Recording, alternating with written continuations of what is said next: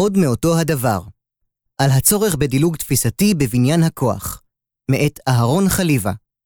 מתוך בין הכתבים, גיליון מספר 9, בניין הכוח, חלק ג'.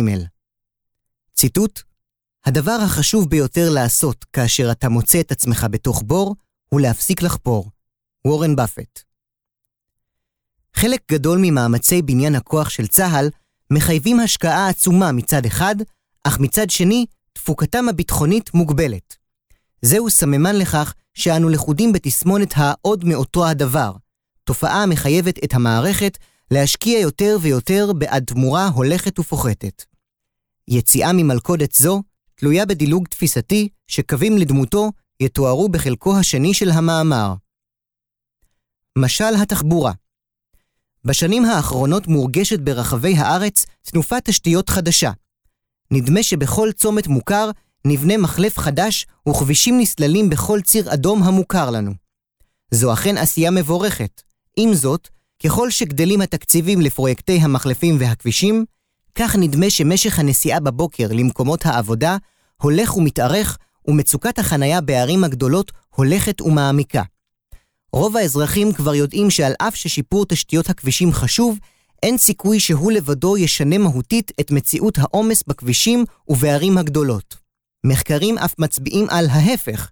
סלילת כבישים מעודדת את השימוש ברכב פרטי ומגדילה את העומס בכבישים ובערים.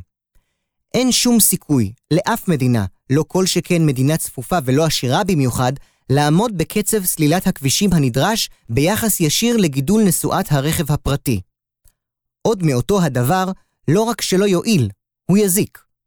מומחים בכל העולם מקדמים את השינוי הפרדיגמטי בתחום התחבורה, מעבר מתרבות הרכב הפרטי של המאה ה-20 לתרבות של רשתות תחבורה ציבוריות יעילות, מתואמות ומסונכרנות, הכוללות כבישים, רכבות מהירות, רכבות עירוניות, אוטובוסים, תחבורה שיתופית, ציבורית ופרטית, כמערכת של פתרונות משלימים.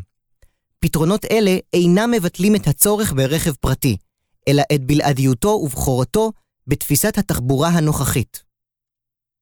משל הכנרת רובנו גדלנו על רקע כרזות ופרסומות בנוסח חבל על כל טיפה. נקראנו לחסוך במים בארצנו היבשה ועקבנו בחרדה אחר מפלס הכנרת היורד. בעשור הקודם נהיה ברור לחלוטין כי ניהול משק המים הטבעיים של מדינת ישראל, גם אם נשפר אותו, נייעל אותו, נחנך את האזרחים ונייקר את תעריפי המים, פשוט לא יספיק. עוד מאותו הדבר, לא יספק את צורכי המדינה שאוכלוסייתה צמחה במהירות לשמונה מיליון והיא עוד הולכת וגדלה. נדרשת הבקעה פרדיגמטית. נדרש לייצר מקורות מים חדשים, כמו למשל התפלה והשבת מי קולחין. יציבה אסטרטגית ומוכנות. התוכנית הרב-שנתית גדעון טבעה את המושג יציבה אסטרטגית כשם כולל לבסיס הכוח של צה"ל, היקף הכוחות, יכולות ייצור עצמיות ומלאים אסטרטגיים. במערכון ישן של יוסי בנאי חוזר הדובר על הסיסמה שהייתה שגורה אי אז, הגולן הוא חלק בלתי נפרד ממדינת ישראל. במבוכתו הפוליטית מוסיף הדובר בתמימות, כמו סיני. יוסי בנאי חושף בפנינו את האמת מאחורי סיסמאות חדות עם סימני קריאה. לעתים קרובות הן מצביעות על מבוכה ואי ביטחון עמוקים. העיסוק הגובר במושג יציבה אסטרטגית מעיד על המבוכה וההבנה ההולכת וגוברת אצלנו באשר ליכולת של מדינת ישראל להמשיך לקיים את יכולות הייצור התעשייתיות והמדעיות שהורגלנו עליהן. בעבר, תשתיות אלה הבטיחו את היתרון האיכותי של צה"ל. כיום, כוח הקנייה של מערכת הביטחון מתקשה להמשיך להבטיח את קיומן של התעשיות הביטחוניות ושל תשתית היתרון האיכותי הגלום בהן. נוסף על כך, צה"ל מוצא את עצמו במחסור במלאי תחמושת וציוד כתוצאה מסבבי לחימה תכופים בעזה ומאופיים התובעני של המבצעים בהיקפי התחמושת. מאמר זה מבקש להעמיד את מושג היציבה האסטרטגית כמו גם את תופעת הבת שלה, המוכנות בכלל והאנורקסיה במלאים בפרט, בהקשר אסטרטגי רחב יותר. להבנתנו, הכרסום המתמשך בסדר הכוחות של צה"ל ובמוכנותו הלוגיסטית הוא תסמין נוסף למצבו של צה"ל כמי שמצוי בתקופה של מתיחה פרדיגמטית. לטענתי, ההשקעה העצומה והמתמדת בפלטפורמות לחימה עיקריות, במלאים ובמוכנות, משולה להשקעה במחלפים ובכבישים, כפי שהוצג בפתח המאמר. אין בה כדי לפתור באופן מתמשך ובר קיימא את הבעיה עצמה. כמו בתחום תשתיות הכבישים, כך גם ביציבה אסטרטגית ובמוכנות, התמקדותנו בבעיות כואבות אלה היא בבחינת עוד מאותו הדבר, והיא מונעת מאיתנו את החתירה לשינוי המהותי הנדרש. כמובן שאין בכך כדי לומר שאנו מתנגדים למוכנות מבצעית של הכוחות ולהכנתם של מלאים מספקים. אם נחזור למשל התחבורה, הרי שברור שלא נכון להפסיק לסלול כבישים. צה"ל צריך להיות מוכן בכל רגע למלחמה בתנאים של מוכנות מלאה של כוחותיו, מפקדיו, ציודו והלוגיסטיקה הנדרשת להם. לצד אלה, כוונתנו להצביע על הצורך לייצר חזון תפיסתי בר יישום שיביא לפריצת מעגל הקסמים בו אנו לכודים. הפיחות המתמשך בסדר הכוחות חוק אוגוסטין מספר 16, שהגה מי שכיהן בין יתר תפקידיו הבכירים גם כמנכ"ל לוקהד מרטין, קובע כי בשנת 2054 תקציב הביטחון האמריקאי כולו יספיק לרכישת מטוס קרב טקטי אחד. מטוס זה, כך מסביר החוק בעוקצנות, יחלק את זמנו שווה בשווה בין הצי לחיל האוויר, שלושה ימים וחצי לכל זרוע. החוק נועד להבהיר עובדה שלא ניתן לערער עליה. פלטפורמות הלחימה עתירות הטכנולוגיה של צבאות המערב מתייקרות באופן מעריכי, אקספוננציאלי, הרבה מעבר לגידול ולעיתים לצמצום בתקציבי הביטחון. ברור לגמרי שגם אצלנו קצב הגידול בתקציב הביטחון אינו עומד בקצב ההתייקרות של פלטפורמות הלחימה העיקריות. צה"ל אומנם פיתח יכולות מודיעין ותקיפה מתקדמות מאוד בעשורים האחרונים, אך יחד עם זאת, רק לעיתים רחוקות היה הקיטון בהיקף הכוחות הלוחמים מהלך יזום של צה"ל, תוצר של החלפה מתוכננת של סד"כ ביכולות אחרות. צה"ל פיתח מערך מפואר, ברמה עולמית, של כלי טיס בלתי מאוישים. מערך זה החליף רבות ממשימות הצילום המסורתיות של מטוסי הקרב. למרות זאת, צמצום היקף מטוסי הקרב בחיל האוויר לאורך השנים לא נתפס על פי רוב כמהלך מתואם עם היקף המשימות המוטל על כלי הטיס הבלתי מאוישים. להפך, היקף המשימות של שני המערכים, מטוסי הקרב והכלים הבלתי מאוישים, הולך וצומח ללא קשר בין השניים. קו אדום במטוסים הוא ביטוי שנתבע לראשונה על ידי שר הביטחון אריאל שרון, וקו זה הוזז מאז שוב ושוב, ממש כמו הקו האדום בכנרת. למרות צמיחתן של יכולות חדשות, רובן פרי מהפכת המודיעין והתקיפה של שנות ה-90, נוטים הניתוחים הפנימיים של צה"ל להצביע על צרכים הולכים וצומחים בכל הממדים. בהיקף הכוחות היבשתי הנדרש, בהיקף הצורך בכלי הטיס המשמשים לאיסוף מודיעיני, בתחמושות מסוגים שונים, בחימושים אוויריים, בנגמ"שים ממוגנים יותר ובמערכות מיגון אקטיביות רבות ומתוחכמות יותר. בשנת התקציב 2003 עמד תקציב הביטחון על 46 מיליארד ש"ח. עשור מאוחר יותר, ב-2013, התקציב עמד על 60.3 מיליארד, נתוני בנק ישראל, תקציב בפועל. למרות הגידול הריאלי בתקציב, לא נוצרה תחושת רווחה בצה"ל, לא במונחי סד"כ, לא במונחי מוכנות ומלאים, ואף לא במוקדי כטב"ם, תחום מרכזי של גידול בסד"כ. המשאבים אינם משיגים אפוא את הצרכים. למרות השקעות הולכות וגדלות בפלטפורמות, רקם חדיש, נמרים ומרכבות סימן 4, מטוסי קרב, F-35, שנקרא בעברית מטוס האדיר, ספינות השטח וכטב"מים בשכבות בינוניות וגבוהות, נראה כי השקעות אלה אינן מקדמות אותנו לתחושה של רווחה בתחום האפקטיביות המבצעית. אדרבה, חסר לנו סדק. וככל שמתקבלים כלים חדשים יותר, נדמה שאלה הישנים הופכים לבלתי ראויים לשדה הקרב. צה"ל מתקשה להסביר את מה שלרבים בצד האזרחי של הדיון נראה כפרדוקס. בעוד שאיום צבאות ערב הלך והתפוגג, נדמה שהתיאבון של צה"ל לפלטפורמות לחימה חדשות רק הולך וגדל. האנורקסיה במלאים תר"ש גדעון טבע, כאמור, גם את המושג אנורקסיה, כדי לתאר מציאות המאפיינת את צה"ל של מחסור במלאי לחימה בצה"ל בעקבות סבבי לחימה מתמשכים. ואכן, מאז מלחמת לבנון השנייה, נראה כי בעקבות כל סבב לחימה מוגבל, צה"ל מוצא את עצמו במצב מלאי מגבלתי. בעקבות כל מבצע, אנו נדרשים למהלך יקר, ממושך ומורכב של רכש מלאים. מהי, אם כן, המסקנה? תחילה יצאנו להתאים את המודלים. למי שאינו מצוי בעגה הצבאית, לוחמה מודרנית היא אמנות וגם מדע. על מנת להבטיח את יכולתם להילחם, צבאות מודרניים נדרשים להעריך את היקף התחמושת מסוגים שונים שתידרש להם בעת לחימה. לשם כך, הם נדרשים להעריך מראש, בקירוב טוב ככל הניתן, מי יהיה האויב וכמה זמן תימשך המלחמה. שני פרמטרים אלה אמורים לאפשר למתכננים הצבאיים להעריך את היקף צריכת התחמושת ואת סוגי התחמושת הנדרשים לצבא.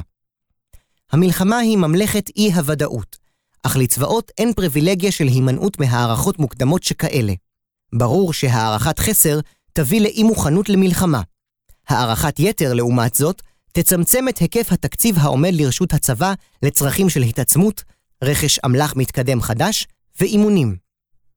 בעשורים האחרונים, כאמור, אנו מופתעים בכל מבצע מחדש מהיקפי התחמושת שאנו צורכים. אחרי כל מבצע, אנו מעדכנים את המודלים, יוצאים לרכש על בסיס מודלים חדשים, ואז אנו מופתעים מחדש במבצע העוקב. האם נידרש לעדכן את המלאים שוב? עוד יותר כלפי מעלה? ניכר כי אנו תקועים במעגל קסמים מהסוג של עוד מאותו הדבר. כישלון חוזר ונשנה של מודל צריכת התחמושת הביא אותנו לחשוב שמא הבעיה טמונה באי יכולתנו לשלוט על היקפי צריכת התחמושת בלחימה ולבקרם. צה"ל נערך בהתאם, חיזק את מנגנוני הבקרה והשליטה, הנהיג תוכנית ניהול תחמושת ריכוזית, ועדיין, נדמה כי כל מבצע דורש היקפי תחמושת גבוהים יותר מאלה שנדרשו ונחזו לפניו. גם מנגנוני השליטה לא הועילו. בתחום תחמושת היבשה העלינו את ההשערה שלפיה יש לנו בעיית אי-הלימה ניהולית בין הסמכויות של זרוע היבשה ואגף הלוגיסטיקה. במהלך הנוכחי של מיזוג זרוע היבשה ואט"ל, תיקנו גם את זה. האם כעת אנו חשים כי לכשנשלים את יעדי ההיערכות הצה"ליים החדשים ונממש את מיזוג מזי אט"ל במלואו, אכן נעמוד בצריכה בפועל? האם תיקנו את הבעיה האמיתית של צה"ל בתחום צריכת התחמושת? האם קיים מודל חיזוי רלוונטי כלשהו של צריכת תחמושת כשצורת הפעולה האסטרטגית של צה"ל חוזרת שוב ושוב על דפוס של מבצעי אש בגישה שחיקתית? האם צריכת התחמושת האווירית והיבשתית בצוק איתן למשל, עומדת ביחס סביר כלשהו להיקף המחבלים שנהרגו במבצע? המשבר הלוגיסטי-החזקתי עשרים שנים מתקיים הדיון המתמיד על יכולות ההובלה של צה"ל, על הצורך בחידוש ראשי הגורר של אט"ל, על הכשירות החסרה של דרגי הלוגיסטיקה הקרביים ועל המחסור בחלפים. בתחום ההובלה, מובילי הטנקים של צה"ל מתיישנים. חלק ממשאיות הלוגיסטיקה שלנו בנות ארבעה וגם חמישה עשורים. גם כאן עשינו לא מעט לשיפור יכולותינו בתחום. ועדיין, ככל שאנו רוכשים פלטפורמות לחימה חדישות יותר, מרכבות סימן 4 ונגמ"שים מסוג נמר, כך הולכים ומעמיקים אתגרי ההובלה שצה"ל כבר עומד בפניהם ממילא, לא תמיד עם תשובות מספקות. בתחום ההחזקה ואורך הנשימה עולה סוגיית החלפים. חלפים לסימני 4 ולנמרים הם יקרים לאין ארוך בהשוואה לדגמים הקודמים, לכן אנו רוכשים פחות מהם, וכך קטנה יכולתנו לשמר את כשירות הפלטפורמות למשך הזמן הנדרש במבצעים מתמשכים. אנו קוראים לכך אורך נשימה. בסיכומו של דבר, קשיי ההובלה וההחזקה מתגברים, הכלים החדשים כבדים בהרבה מקודמיהם. מעטים המובילים המסוגלים להובילם לחזית, וכך פוחתת הגמישות האסטרטגית שלנו בהובלת סדק בין החזיתות.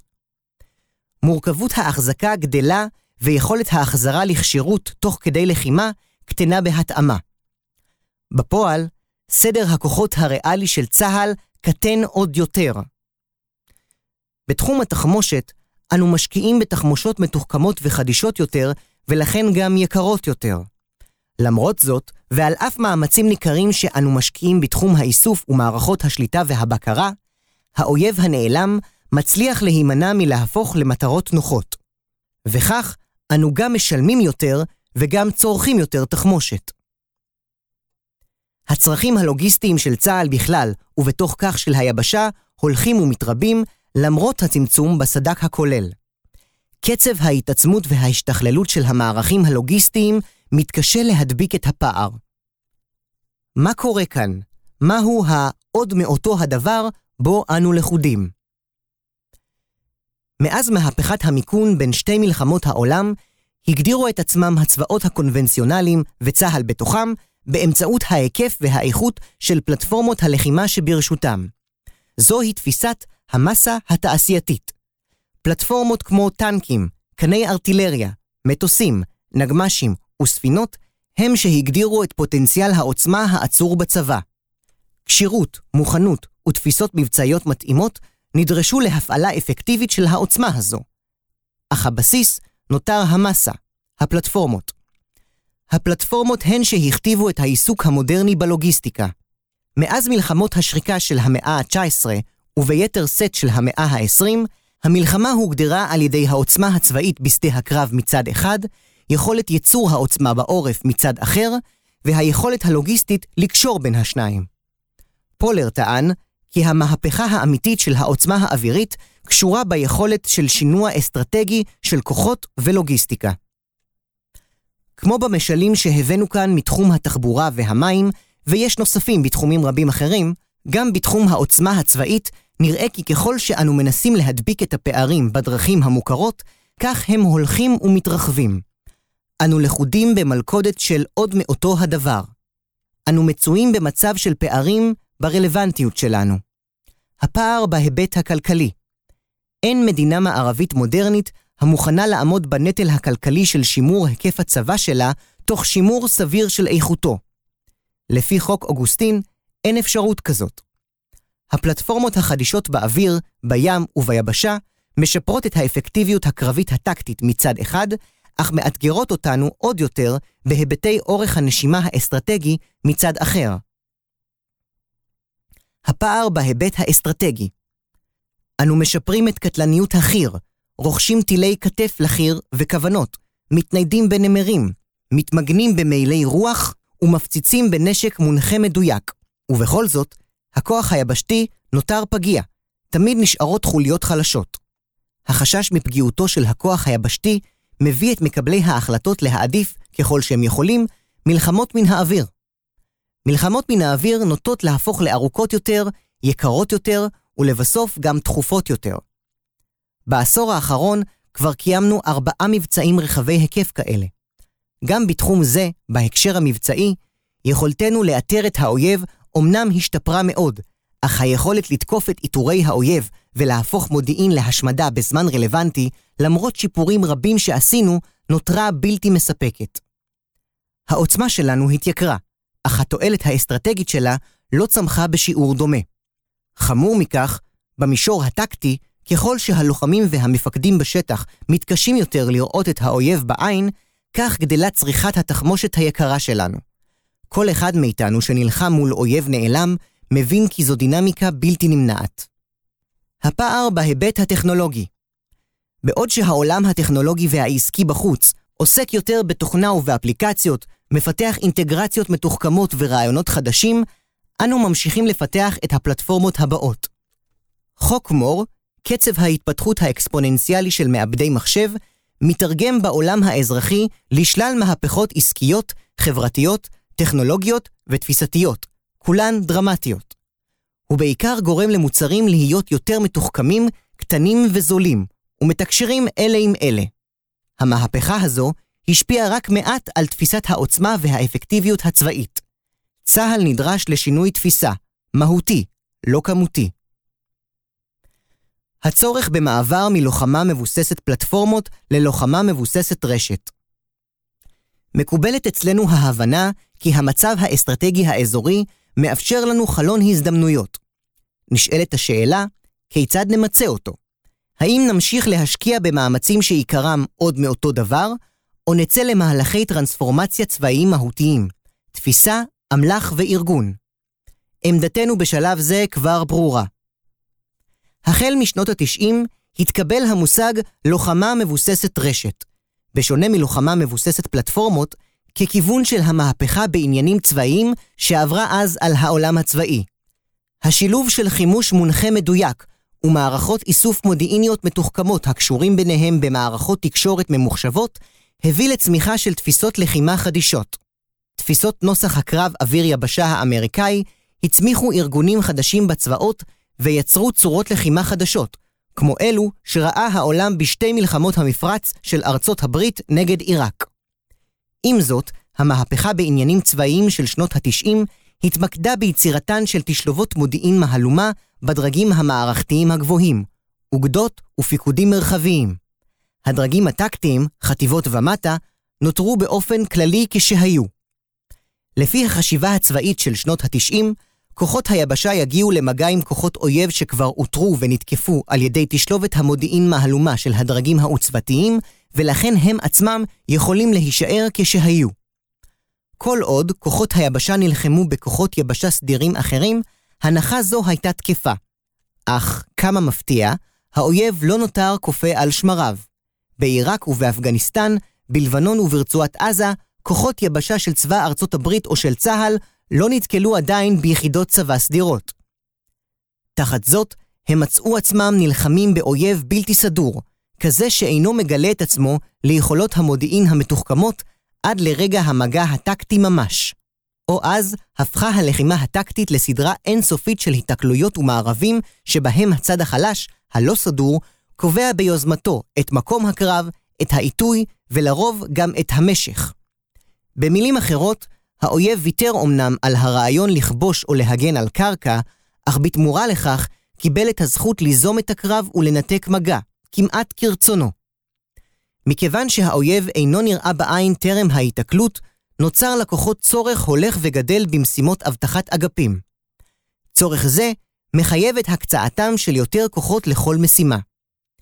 מכיוון שהאויב הצטייד ביכולות תקיפה מדויקות מטווחים ארוכים, כמו נ"ט מתקדם, טילי קרקע אוויר קלים ומתוחכמים, מרגמות וטילים טקטיים, נדרשים כוחותינו ליותר ויותר אמצעי התראה והגנה מתקדמים. אלה מערכות כבדות, תובעניות במשקל ובדרישות טכניות מכלי הלחימה. נוצר צורך הולך וגובר בפלטפורמות לחימה כבדות ומתקדמות יותר. מכיוון שהאויב כאמור כמעט אינו נראה בעין, נוצר צורך הולך וגובר בתקיפה של נקודות חשודות ובתקיפה של נקודות שהאויב ירה מהן רגעים ספורים קודם, בתקווה שהוא עדיין שם. מכיוון שסביבת הלחימה הפכה לרוויה באזרחים, התגבר גם הצורך לתקוף את הנקודות הללו באופן מדויק, על מנת לצמצם ככל הניתן את הפגיעה בבלתי מעורבים. בעקבות זאת, נוצר צורך הולך וגובר בהיקפים של תחמושת מתוחכמת. המהפכה בעניינים צבאיים, מהפכת הלוחמה מבוססת הרשת של שנות ה-90, פסחה על הדרגים הטקטיים היבשתיים. האויב איתר את התורפה הזו, התפרק מפלטפורמות הלחימה של צבאות סדירים, וסיגל לעצמו תפיסות של לוחמת גרילה. הניסיון שלנו, בתגובה למגמות אלה, להימנע מהקרב היבשתי, הסתכם במלחמות ארוכות יותר ואפקטיביות פחות. אנו מחזקים עוד ועוד את הרגל הבריאה שלנו, יכולות האיסוף והתקיפה מנגד, ומתפלאים שאנו לא נפטרים מהצליעה שמקורה ברגל של התמרון היבשתי. הפכנו ללכודים במלכודת של עוד מאותו הדבר, עוד ויותר פלטפורמות, עוד ויותר מיגון, עוד ויותר תחמושת, אך כל אלה אינם משנים את המהות של שדה הקרב ושל היתרון היחסי שקנה לו האויב בסביבה הטקטית. אמנם זוהי הבחנה קרה ואכזרית, אך היא אינה מכת גורל. אנו מצויים בעידן המאפשר מהפכה חדשה בעניינים צבאיים, הדור הבא של הלוחמה מבוססת הרשת. בשנות ה-90, תשלובת המודיעין מהלומה הייתה תלויה בכלי טיס גדולים ויקרים, שתלו מתחת לגחונם חיישני מודיעין גדולים ומתוחכמים, ואלו אספו מידע ברזולוציה גסה יחסית על תאי שטח עצומים. כל עוד האויב היה טורי שריון ומערכי הגנה אווירית, היה זה אך טבעי שיכולות האיסוף והתקיפה ירוכזו בדרגים גבוהים וינוהלו בהסתכלות זירתית. זה היה נכון בהיבט המבצעי, זה היה גם הכרחי מבחינה משאבית. כיום שוב אין אנו מחפשים טורי שריון ומערכי הגנה אווירית רחבי היקף. אנו מחפשים חוליות ויחידות אויב קטנות, בשטחים מורכבים ובתנאי הסתתרות. אנו גם לא תלויים יותר באופן בלעדי בכלי טיס כבדים ויקרים בעלי יכולות שהייה של שעות ויכולת נסיעה של מאות קילוגרמים. זמינות לנו יכולות חדשות שהתאפשרו בעידן המזעור וההוזלה של המאה ה-21. כל אלה עשויים לאפשר לנו את מהפכת תשלובת האיסוף מהלומה של הדרגים הטקטיים, מהפכת האינטרנט של הדברים לסביבה הטקטית. Tactical Internet of Things, TIOT. מהפכה זו כוללת כמה נדבכים. רזולוציה בעבר, חיישני איסוף גדולים איתרו מטרות גדולות במרחבים גדולים. זה היה עולם של מנגד, stand-off. כיום, אנו נדרשים לרזולוציית איסוף שתאפשר איתור מטרות קטנות, דלות חתימה, בשטחים סגורים ועתירי מחסות. מהפכת המזעור וההוזלה של חיישנים מאפשרת מעבר לחיישנים רבים, מגוונים ומדויקים, הנוכחים stand-in בתוך הסביבה הטקטית ומצליחים לקלוט את החתימות הדלות ביותר שמייצר האויב בפעילותו. רובוטיקה, בינה מלאכותית, מהירות והיתוך מידע. כל עוד טנקים וכלים אחרים של האויב אותרו על ידינו, ניתן היה להניח כי לא נאבד אותם עד שנשלים את מעגל התקיפה. שילוב יכולות התקיפה ויכולות האיסוף באמצעות חמ"לים גדולים, שריכזו תהליכי עיבוד מידע וקבלת החלטות אנושיים, היה פתרון מספיק. בעידן של אויב נעלם, לא ניתן עוד להניח כי תהליכי עיבוד וקבלת החלטות אנושיים במפקדות יספקו פתרון מבצעי הולם. נדרש מעבר מעולם שמתמקד בהעברת מידע במערכות שליטה ובקרה למפקדים, לעולם המשלב גם קישור ישיר בין אמצעים, בהמשך למגמת האינטרנט של הדברים. זהו ה-TIOT שיאפשר לסנסורים להצליב מידע ולהתיך מידע באופן אוטומטי עם סנסורים אחרים, לקבל דיוק ודאות של איתורי האויב בתוך שניות ולחבר אותם לאמצעי תקיפה, באמצעות שורת קריטריונים שהכתיב המפקד הטקטי למערכת האינטגרציה האוטומטית המשרתת אותו. מדובר, למעשה, ברשת תקשורת שהיא גם מערכת למידה מלאכותית, בינה מלאכותית. קבוצה של חיישנים שלא רק מאתרים אויב, אלא גם לומדים בתהליך את דפוסי הפעולה של האויב, ומשפרים בכך את הסיכוי לאתר אותו בעתיד. את החיישנים צריכים לשאת כלי טיס אוטונומיים, קטנים וזולים. מכיוון שאוטומציה מאפשרת כבר היום להפעיל להקות גדולות של כלי טיס קטנים רובוטיים בלי לשלוט בהם בכל רגע ורגע, הרי שניתן יהיה למצות את הפוטנציאל החדש בלי להעמיס על הכוח הטקטי בעלי תפקידים נוספים. בהיבטי התאמת העוצמה הצבאית לאתגר, התמקדנו בעשורים האחרונים בשכלול הדיוק הדו-מימדי שלנו. הן באוויר והן ביבשה, הגענו ליכולת מרשימה בפגיעה מדויקת בנקודות במרחב הדו-מימדי. האויב הגיב בהכנסת מימד נוסף, מימד הזמן. שיפרנו מאוד את מעגלי התקיפה שלנו וקיצרנו אותם, אך אנו עדיין מתקשים להדביק את קצב ההיעלמות של האויב. שכבת איסוף תקיפה אווירית המורכבת מכלים זעירים ברמת אוטומציה מרבית, המופעלים על ידי חטיבות וגדודים יבשתיים, עשויה לאפשר לנו לאתר את האויב עצמו ולפגוע בו. תקיפה בתוך דקות ושניות תאפשר לפגוע לא רק בנקודה שבה היה האויב לאחרונה, אלא באויב ממש.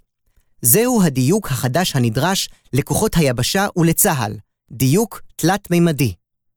בתוך כך, תשתפר גם שרידות הכוחות וגם קטלניותם, באופן שאינו תלוי בקצב ההתעצמות בפריטים מלמטה למעלה, כמו הגנות רקם, כוונות נשק, טילונים, פגזי טנקים מיוחדים וכיוצא באלה. עוד מאותו הדבר. הרשת הטקטית של האינטרנט של הדברים, TIOT, היא, אם כן, רעיון חדש. לפי רעיון זה, פלטפורמות, סנסורים וכלי נשק יוכלו לקיים בינם לבין עצמם מערכת של משובים ולמידה הדדית אוטומטית. כך תוכל המערכת בכללותה לשרת מהר יותר וטוב יותר את כוונת המפקד. אנו טוענים כי קישורו של רעיון זה באופן מובנה לכוחות היבשה, עשוי להוציא אותנו מהבור של עוד מאותו הדבר, בור בו אנו מתחפרים מבלי משים כבר כמה וכמה שנים.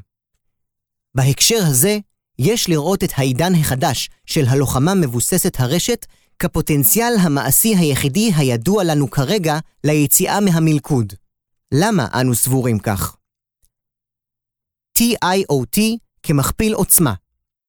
חטיבה שתתמרן תוך הפעלת שכבה אווירית שתאתר ותשמיד, במגבלות בטיחות והפללה כמובן, אויב המנסה לאיים על כוחותינו מנגד, נ"ט, רקטות ועוד, תוכל לחסוך כוח רב במשימות כמו אבטחת אגפים. חטיבה כזו, שתהיה מסוגלת גם לאכן ולהשמיד משגרים היורים מתוך כפרים, תוכל לנטרל את האפקטיביות של אויב המתבצר בכפר גם בלי להיכנס אליו. המשמעויות בחיסכון של זמן וכוח הן ברורות ודרמטיות. חטיבה כזו תוכל לנוע מהר יותר ולשמר יותר כוח. היא תוכל לעשות יותר משימות או לקחת מראש פחות פלטפורמות ולוחמים. כלומר, לוחמה מבוססת רשת טקטית מתקדמת, Web 3.0, TIOT, תאופיין ביחידות טקטיות שעושות יותר משימות ומשפיעות על תאי שטח גדולים מאוד באמצעות הרבה פחות פלטפורמות. פחות פלטפורמות הן פחות לוגיסטיקה, פחות החזקה, יותר אורך נשימה.